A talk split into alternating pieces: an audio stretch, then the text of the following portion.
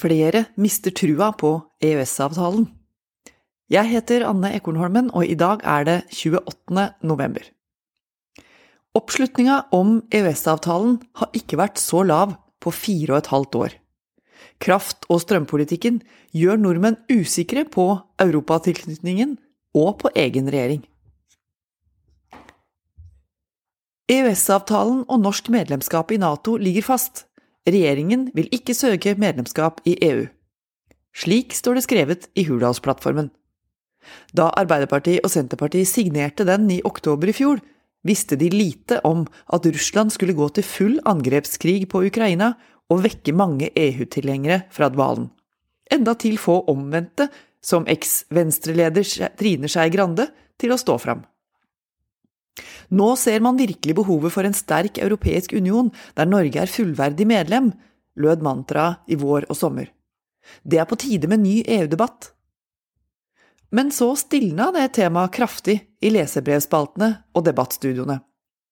I stedet har forsvarsalliansen Nato tatt og fått det meste av oppmerksomheten, der Norge er medlem og snart kan ønske våre naboland og Sverige og Finland velkommen.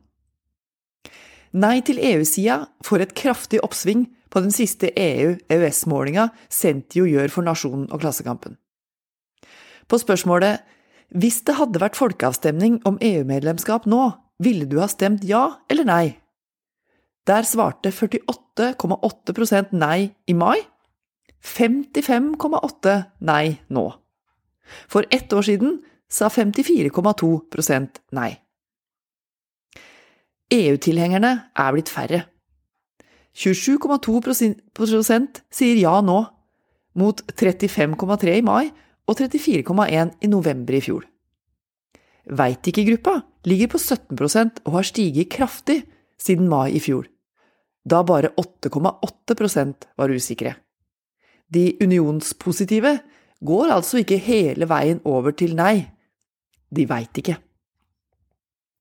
Arbeiderpartiet og Senterpartiet visste heller ikke så mye høsten 2021 om åssen energikrisa, strømprisene og den europeiske kraftutvekslinga på børs skulle prege det første året i regjering.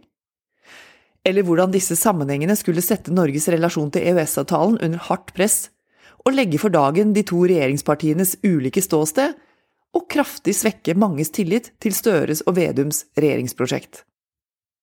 Oppslutningen om EØS-avtalen har ikke vært så lav siden mai 2018. På spørsmålet dersom det skulle vært folkeavstemning om EØS-avtalen i morgen, ville du da stemt ja, nei eller vet ikke? Da svarer 58% ja. Det er kraftig tilbake fra 64,9 i mai og 65 i fjor høst.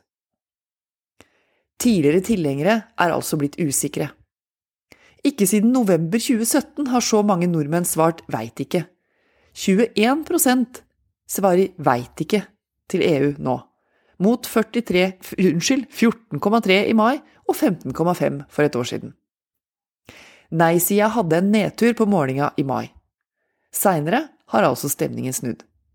Det syns til de grader på den generelle oppslutninga også om regjeringa. Mange er urolige, utrygge opplever ikke at Ap og Sp har et overbevisende grep om situasjonen vi står i.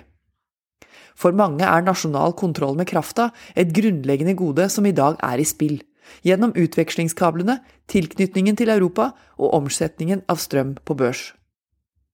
Arbeiderpartiet og Senterpartiet har slått fast seg imellom og i plattformen at EØS-avtalen skal ligge til grunn for Norges forhold til Europa. Handlingsrommet i avtalen skal utredes og brukes aktivt, og det skal jobbes målrettet for å forsvare norske interesser overfor EU. Mange velgere er allikevel usikre på om EØS-avtalen i praksis hindrer Støre-regjeringa i å kunne garantere stabil strømforsyning og pris til egne innbyggere. De krever at regjeringa, ikke minst nei-partiet Senterpartiet, i større grad utfordrer og bruker handlingsrommet innafor avtalen. Hurdalsplattformen sier at regjeringa vil gjennomføre en utredning for å vurdere erfaringene fra EØS-samarbeidet de siste ti år. Det utvalget blei oppnevnt i mai. Men enn så lenge tyder lite på at regjeringa har planer om strukturelle endringer i kraftpolitikken. Nå har du hørt Nasjonen på øret. Jeg heter Anne Ekornholmen, og hvis du vil ha flere kommentarer lest opp på denne måten, så finner du det på nasjonen.no, eller der du hører podkast. Vi høres!